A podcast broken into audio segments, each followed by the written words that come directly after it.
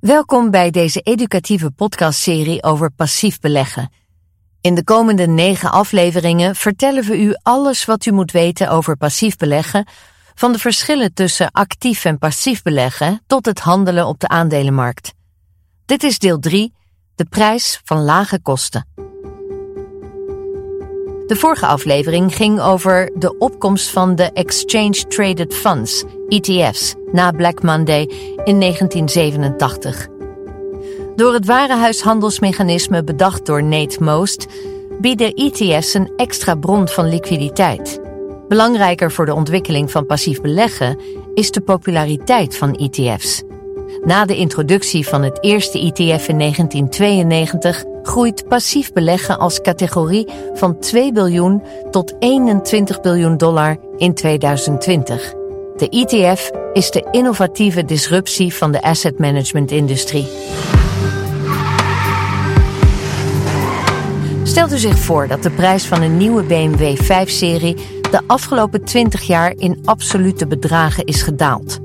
Dat u ondanks 20 jaar inflatie en innovatie niet een hoger, maar een lager bedrag betaalt voor hetzelfde type auto.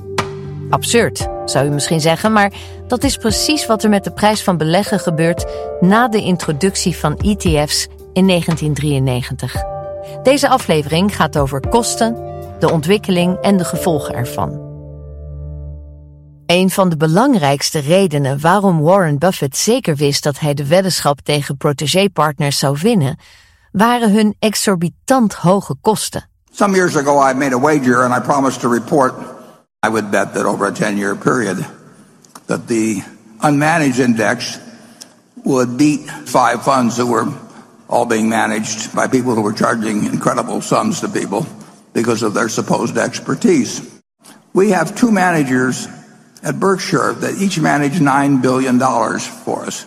They both ran hedge funds before. If they had a 2 and 20 arrangement with Berkshire, which is not uncommon in the hedge fund world, they would be getting $180 million each, you for breathing. Buffett rekent hiervoor wat het jaarsalaris van een hedgefondsmanager zou zijn indien hij bij Berkshire, net als de rest van de markt, de zogenaamde 220-regel zou hanteren. Los van de vraag of een dergelijke beloning is te rechtvaardigen, trekken zulke hoge kosten een zware wissel op het rendement van een belegging. Een hedgefonds begint altijd met minimaal 2% achterstand. In een jaar met winst moet een partij als protégé en partners veel meer winst maken om gelijk uit te komen, namelijk 2% plus het bedrag ter waarde van 20% van de winst. Maakt protégé en partners geen winst, dan moeten de schokbrekers van het hedgefonds resulteren in minimaal 2% minder rendementsverlies. Als de logica zo simpel is, kunt u zich afvragen waarom er dan nog steeds massa's beleggers zijn die te veel voor beleggingsoplossingen betalen. Volgens psycholoog en Nobelprijswinnaar Daniel Kahneman is een deel van de verklaring de winnaarsbias. Desgevraagd denken veel mensen beter te zijn dan het gemiddelde, terwijl dat onmogelijk is.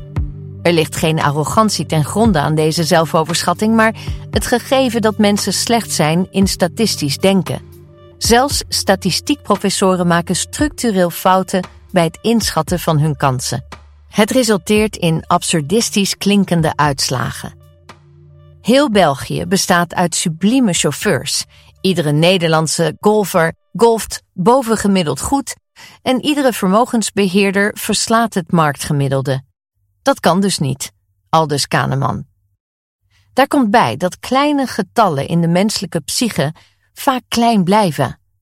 Het verschil tussen 0,8% en 1% is gevoelsmatig kleiner dan het verschil tussen 850.000 dollar en 1 miljoen dollar. Jack Bogle, many years ago, he wasn't the only one that was talking about an index fund, but he it wouldn't have happened without him. I mean, uh, Paul Samuelson talked about it, Ben Graham even talked about it, but the truth is it was not in the interest of the investment industry because it brought down fees dramatically. And as we've talked about some in the reports, index funds overall have delivered for shareholders a result that has been better than Wall Street professionals as a whole. And part of the reason for that is that they've brought down the costs very significantly. Misschien de grootste verdienste van passief beleggen is de kostenbezuiniging ten bate van de belegger. Met de introductie van de ETF intensiveert de prijsconcurrentie. Waren de gemiddelde kosten voor beleggers in 1990 nog zo'n 1,2 procent, tegenwoordig koopt u een wereldwijde ETF voor minder dan 0,3 procent. Dat is een prijsdaling van ongeveer 75 procent die rechtstreeks ten goede komt van het rendement van de belegging. Waarom zijn ETF's en indexfondsen zoveel goedkoper? ETF's en indexfondsen maken geen onderzoekskosten voor de selectie van aandelen. Daarnaast kennen ETF's schaalvoordelen. Een ETF met een beheerd vermogen van 1 miljard euro kent dezelfde kosten als een ETF met een beheerd vermogen van 1000 miljard euro, terwijl de inkomsten groeien. Bovendien kennen ETF's in tegenstelling tot de meeste beleggingsfondsen vaak geen in- en uitstapkosten. Tot slot levert het uitlenen van effecten een kostenbesparing op. Er zijn verschillende kosten. De total expense ratio is de prijs van het fonds. Dit bedrag, uitgedrukt in een percentage, wordt iedere dag uit de koers onttrokken. De hoogte van de kosten verklaart deels het verschil tussen het resultaat van de index en de ETF. Heeft de ETF een TER van 0,5%, dan wordt het equivalent van dat percentage uit de waarde van de ETF, in vaktermen de Net Asset Value of NAV, ontrokken.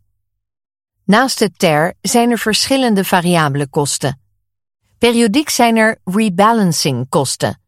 De aan- en verkoopkosten om het mandje aandelen in lijn te brengen met de index. Door vraag en aanbod naar aandelen verandert de samenstelling van een index en dient die periodiek te worden vernieuwd. Tracking difference staat voor het verschil tussen de waarde van de index en de ETF. Na aftrek van de beheerkosten blijft er meestal nog een verschil over, de tracking error. Die bestaat onder meer uit rebalancingkosten, cash drag en dividendlekkage. Een lagere TER is niet altijd zaligmakend. Als een ETF hoge tracking error heeft, kan de ETF toch duurder zijn. Tot slot zijn er kosten die voortkomen uit de spread, het verschil tussen de aan- en verkoopprijs van de ETF. Een aankooporder voor een ETF komt via een bank of broker op de beurs terecht. Daar zoekt een market maker een koper voor de ETF. De commissie die de market maker vraagt is het verschil tussen de verkoopprijs en de aankoopprijs. Hoe moeilijker het is om een ETF te verkopen, hoe hoger het risico is voor de market maker, hoe hoger de spread. Deze aflevering ging over kosten en de effecten ervan op de beleggingsportefeuille van beleggers. We bespraken de vaste kosten en variabele kosten van de ETF.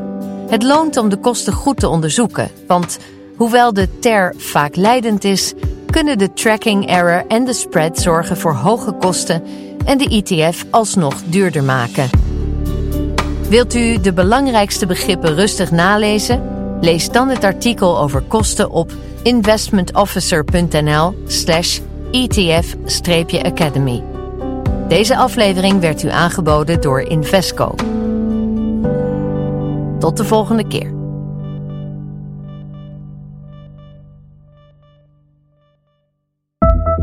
Disclaimer.